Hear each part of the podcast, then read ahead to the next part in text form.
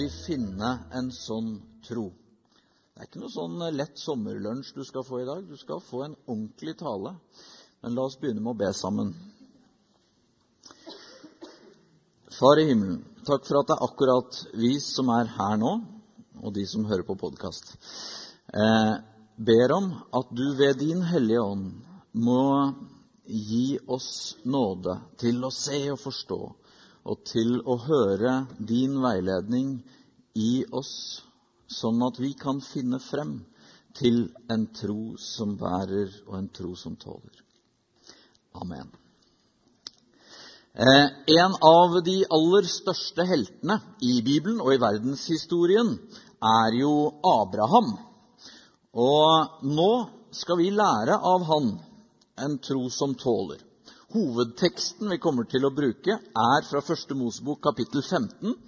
Eh, og så ikke du lar deg liksom forvirre av det, så var dette mens han fortsatt het bare Abram, ikke Abraham. Du som har gått på søndagsskolen, husker at Gud ga han et nytt navn. Det er ikke så vanlig lenger. Det det var min svoger Stian var den som sa det her til Nå heter du ikke lenger Stian, nå heter du Stihan. Men det ble ikke samme schwung over det. Uansett, det er eh, 4000 år tilbake i tid, og historien begynner sånn her. Etter at dette hadde hendt, kom Herrens ord til Abraham i et syn. Vær ikke redd, Abraham. Hvem var han her, og hvorfor var han redd? Eh, det er en av de mest kjente historiene vi har, men et raskt riss av historien hans. Han vokste opp i byen Ur, som ligger i dagens Irak. Så han var en iraker, kan du si. Han, eh, etter gammel jødisk tradisjon, eh, og det står også i Bibelen, så het faren hans Tara. Men det som ikke står i Bibelen, som er i, den, i tradisjonen om han, det er at eh, Tara han, drev, han levde av å selge gudebilder. Og Abraham satt på torget og solgte disse for faren sin. Men en dag så kom det en mann og ville kjøpe et gudebilde. Og da sa Abraham til han, eller Abraham, 'Hvor gammel er du?' sa han til kunden. 50 år, svarte kunden. Du er 50 år, og så vil du be til et én dag gammelt gudebilde? Abraham hadde mistet det man trenger i salg. Han hadde mista troen på produktet sitt.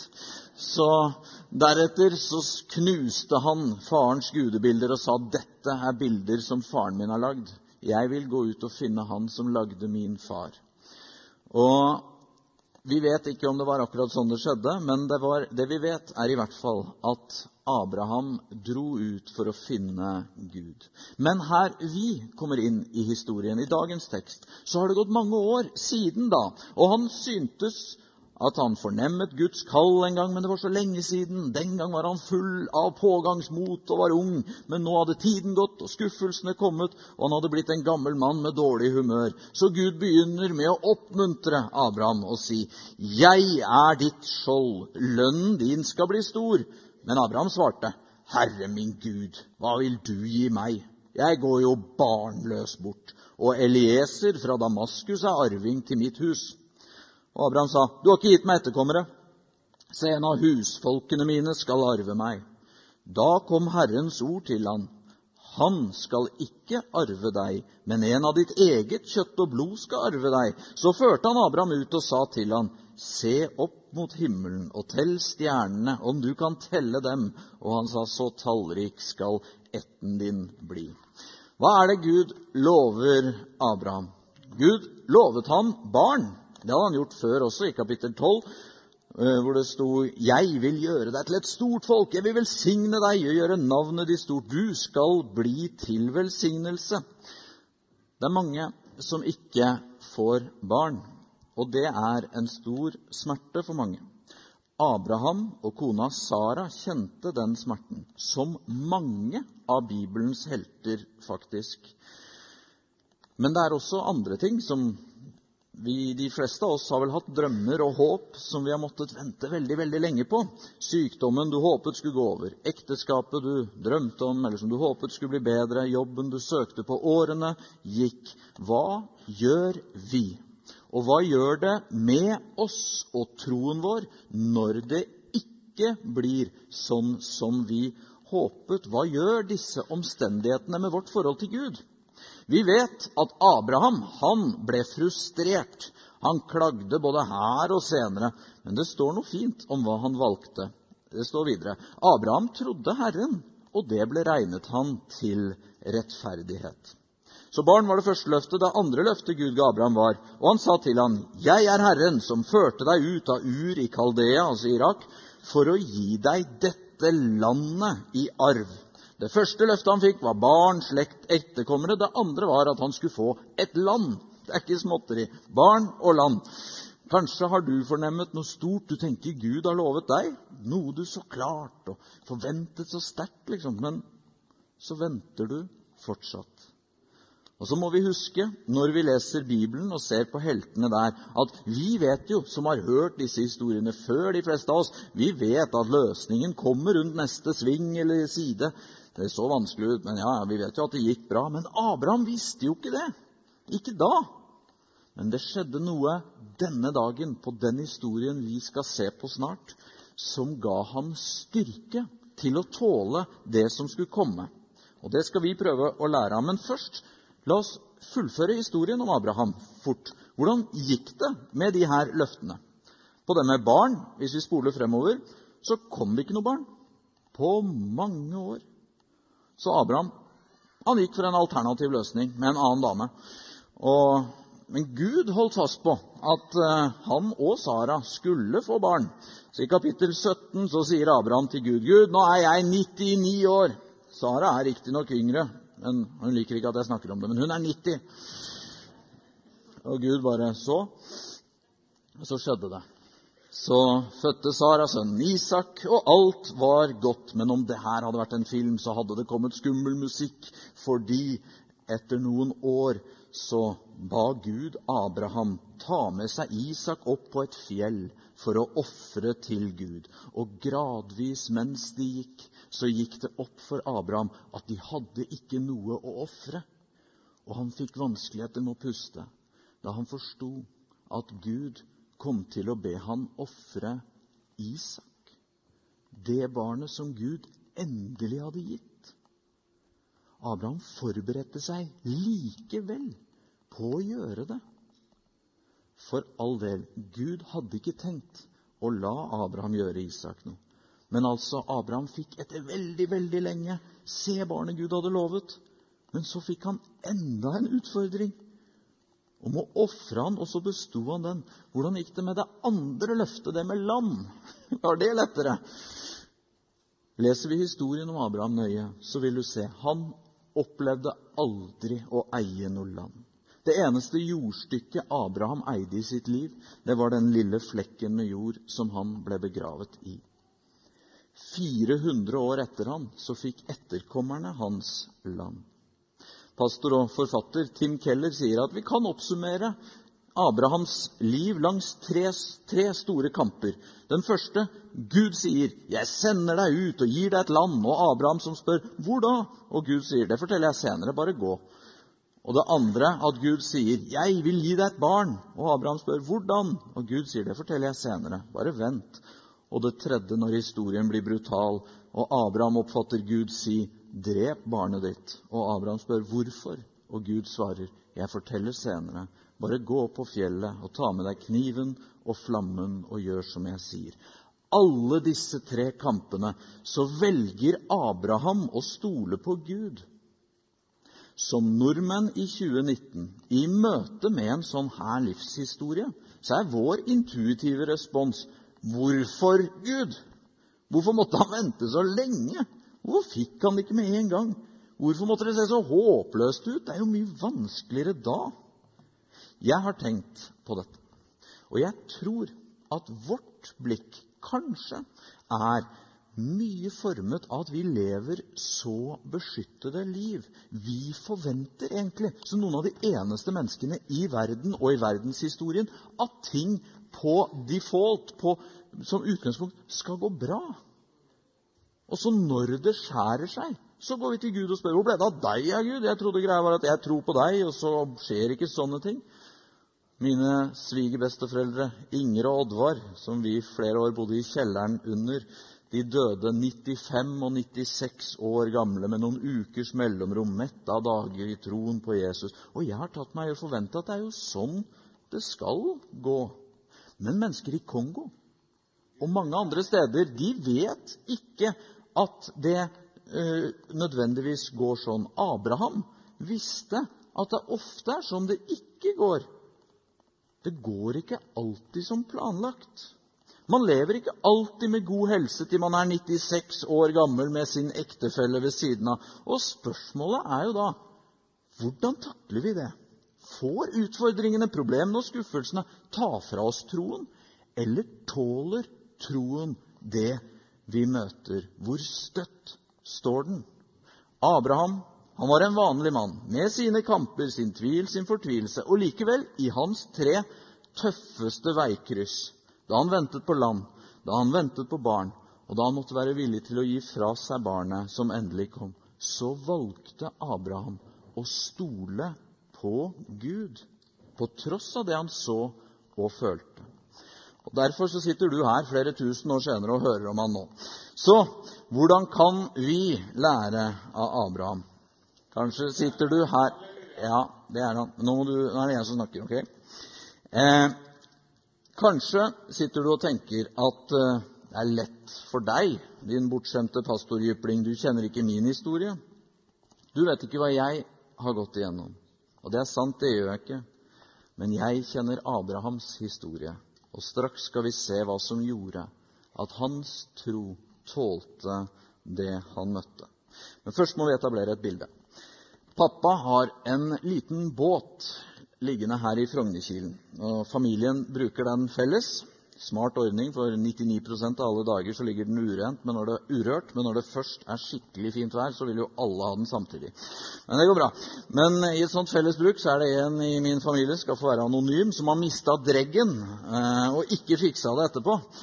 Og så nå er det bare en sånn bitte liten reservedregg i den båten. Og den holder jo nesten ikke den lille båten på en vindstille dag i Middagsbukta engang. Hebreerbrevet, 2000 år etter Abraham, sier da Gud ga Abraham løftet, sverget han ved seg selv. Etterpå skal vi se hva det betyr. Men hva sier Hebreerbrevet om Guds løfter? Dette håpet er et trygt og fast ankerdregg for sjelen. Bibelen sier at Guds løfte til oss det er som et anker. Fordi vannet, omstendighetene rundt oss, situasjonen i livet, det flyter og flytter seg og forandrer seg. Det kan være flo i livet ditt nå. Du kan ha fremgang og flyt og tenke at alt går bra og Gud er god. Og så kan du vite at det vil komme perioder med fjære, med fravær og fortvilelse. Og står du i det, så kan du igjen vite at det vil komme flo. Omstendighetene de vil altså ramme oss. Men vi kan velge å tenke at ja, ja, nei, det, vil være dønn stabilt til vi er 96 år og sovner stille inn, men det har vi ingen garanti for. Derfor så må vi ha et anker som ikke bare er en sånn liten reservedregg som ikke finner feste. Vårt håp det må ikke være festet i pengene, i utseendet, i utdannelsen og vennene våre. For alle de tingene kan forsvinne. De kommer til å forsvinne. Ikke noe anker kan sitte i sånne ting hele livet. Ankeret, det må gå lenger ned. Det må gå ned til steinene under. Og hva er de steinene i livet? Jo, Hebrevet sa at for Abraham så var altså dette ankeret Guds løfter. Og da kommer vi til det Abraham skulle forstå denne dagen i 1. Mosebok kapittel 15 det som gjorde at Abrahams dregg festet seg i noen steiner som aldri senere ble rokket. Vannet hans både steg og sank.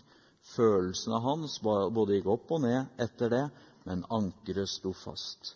Og det er mitt håp for deg og meg. La oss se på det som skjedde. Gud hadde altså igjen minnet Abraham om løftene med livet hans og lovet barn og land, men spørsmålet brant i Abraham. Herre min Gud, hvordan kan jeg vite at jeg skal få det i arv? Hvordan kan jeg vite Gud? Jeg trenger å vite at det står fast.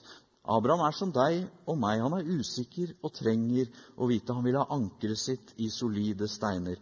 Da svarte han, Gud altså, hent meg en treårs kvige, en treårs geit, en treårs vær, en turteldue og en duunge. Abraham hentet alt dette til han, skar dyrene i to og la delene rett overfor hverandre. Men fuglene skar han ikke i to. Rovfugler slo ned på skrottene, men Abraham drev dem tilbake. Hva i alle dager er det som skjer her? Her får du et eksempel på at man må møte bibeltekster med å stille spørsmål hva hørte den første tilhøreren? Hva er konteksten? Hva er det som foregår her? Og For å svare på det så må vi tenke over hvordan du og jeg inngår kontrakter i vår tid. Jeg aksepterte en kontrakt fra Telenor her eh, om Internett hjemme. Og Da sa de på telefon når jeg snakket med dem, nå setter jeg på opptak her, og så bekrefter du det vi har blitt enige om. Vanligvis signerer vi et ark. Hvis kundebehandleren hos Telenor i stedet hadde sagt til meg Ok, da kommer jeg hjem til deg med en sau, og så deler vi den sauen i to, og så legger vi delene på hver side av oss. Da tror jeg jeg heller hadde ringt Get eller noe. Men vanligvis så signerer jo vi et papir. På Abrahams tid så delte de dyr. For eksempel så ser vi i Jeremia kapittel 34 hvordan det her fungerte. Det står de som brøt min pakt og ikke holdt ordene i den pakten, de sluttet, de sluttet for mitt ansikt. Med dem skal jeg gjøre som med den kalven de skar i to, så de kunne gå mellom stykkene. Lederne Juda, Jerusalem, hoffmenn og prestene og hele folket i landet som gikk mellom stykkene av kalven, gir jeg hendene på fiender og folk som står dem etter livet. Likene etter dem skal bli føde for fuglene under himmelen og for dyrene på marken. Altså, vi deler dyr, og hvis jeg ikke holder det jeg lover, når jeg går imellom dyrene, må det gå med meg som det har gått med disse dyrene. Må kroppen min bli til mat for fuglene under himmelen og dyrene på marken, og det samme med deg om du bryter vår pakt. Det her er noe litt annet enn å signere på et ark. Hvis du prøver å gå til en annen internettleverandør, må det gå med deg. Eh, men hvis du la merke til i teksten, så var det her så selvsagt for Abraham at Gud ikke tenkte å be han dele dyrene. Han bare ba han hente dem, og så begynte Abraham på autopilot å dele dyrene i to. For det her var sånn de gjorde. La oss nå fortsette. Abraham var på fjellet med de døde dyrene. Da står det da solen holdt på å gå ned, falt en dyp søvn over Abraham. Og se, redsel og stort mørke kom over ham. Igjen kan vi se hvor lett det er å kjenne seg igjen i Abraham. For det kan komme redsel, og det kan komme et stort mørke. Ikke minst om natten. Mange av oss vet at det er et dårlig tidspunkt å tenke over vanskelige ting. Hvordan kan jeg være sikker, hadde Abraham spurt, og tvilen er der fortsatt. Og hvis vi tør å stoppe litt her, siden det ikke er natt nå, hvorfor tviler og frykter vi? Hva er det som gjør det? Dypest sett to ting. Det sto en interessant formulering som vi leste i stad i vers 6. Det sto 'Abraham trodde Herren'. La du merke til det? Det er forskjell på å tro at Gud fins, og å tro Gud. Jeg kan tro Gud fins, men jeg kan tenke han er så fjern fra mitt liv at jeg kan ikke regne med, jeg kan ikke stole på ham. Når det røyner på i livet, så vil jeg ikke tro på Gud. Motstykket til det er som Abraham, som tror Gud, som i tillit stoler på, kjenner Gud. Hvis jeg vet at uansett hvilke omstendigheter, situasjoner jeg møter, så er Gud den samme, og jeg er i Hans hender med alt. Så det ene som kan skape frykt, det er hvis vi ikke tror Gud. Men Abraham og jeg har et problem til, fordi vi ikke alltid tror på oss selv. Du er kanskje til å stole på Gud, men jeg vet jo at jeg ikke er det. Jeg kommer jo til å svikte Gud. Johnny Cash har sunget den mest kjente versjonen av sangen 'Hurt', hvor han sier, så du tror han You could have it all, my empire of dirt. I will let you down. I will make you hurt. Gud, hva er det som skjer når jeg roter det til igjen? Når jeg enda en gang gjør feil? Jeg måtte be Veronica om unnskyldning i går. Enda en gang for ting som jeg burde ha lært. Akkurat her kommer vi til poenget i historien om Abraham, som jeg lover gjør det verdt å ha hørt alt dette.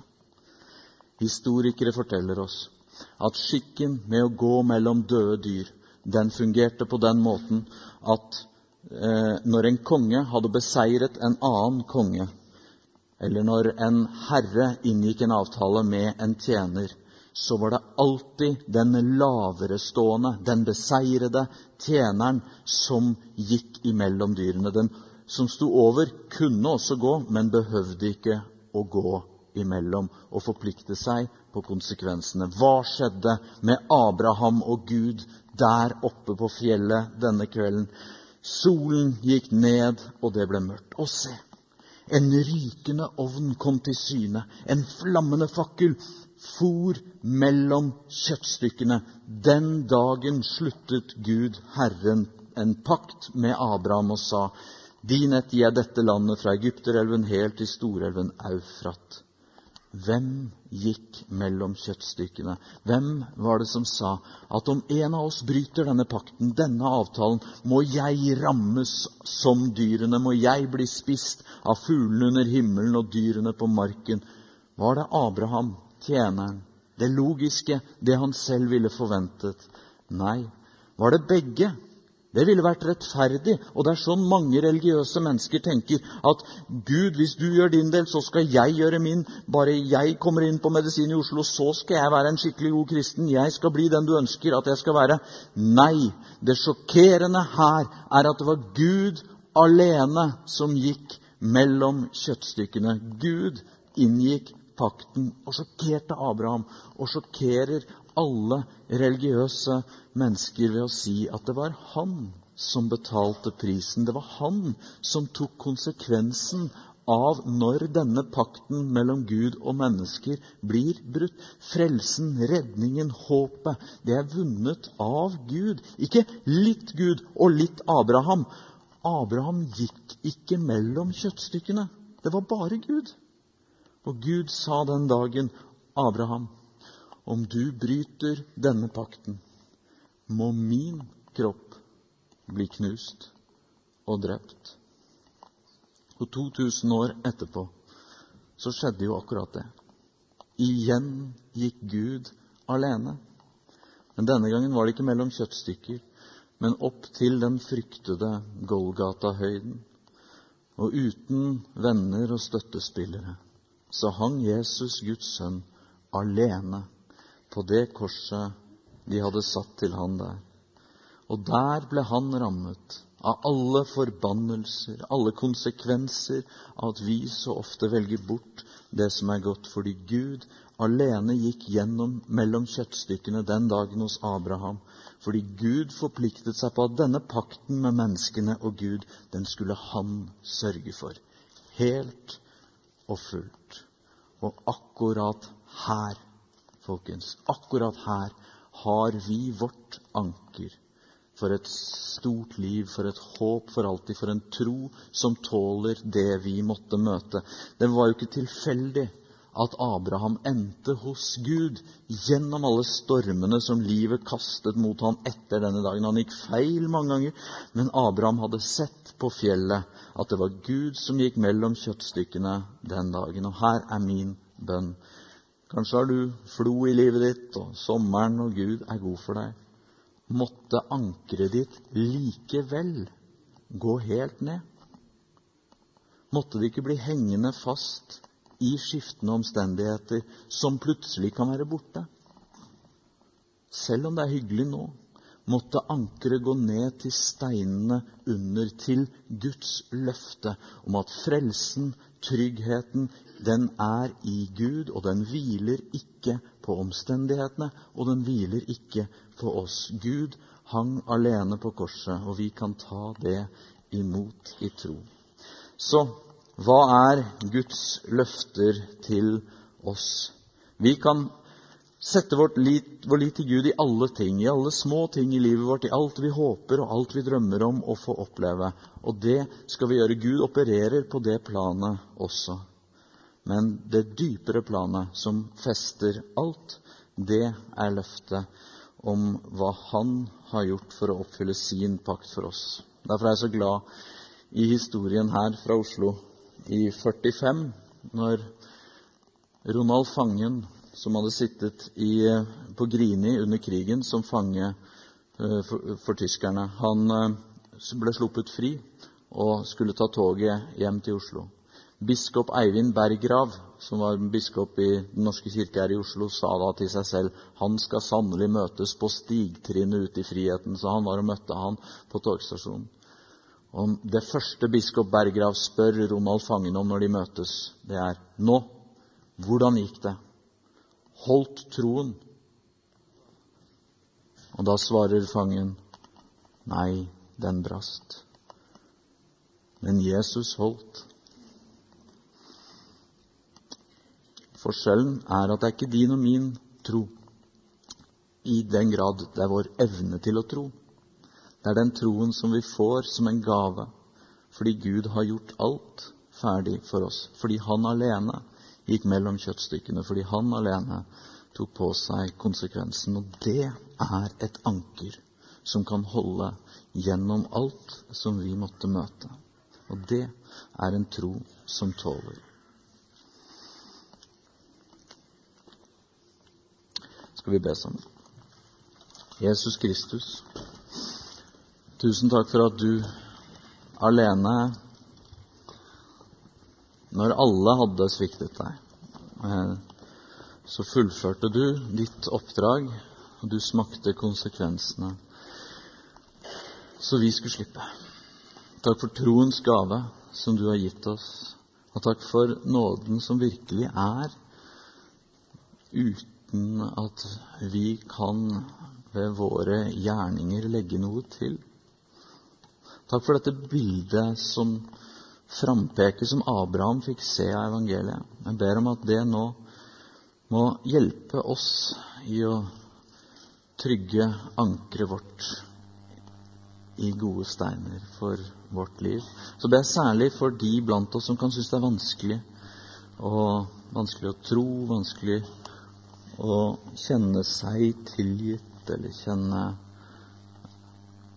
kjenne på mislykkethet i forhold til troen. Jeg ber om at uh, lyset som stråler fra evangeliet, må få gå opp i vårt indre, så vi kan se og med vårt indre menneske si takk, Jesus, for at vi får være en del av det folket som vandrer mot deg. Amen.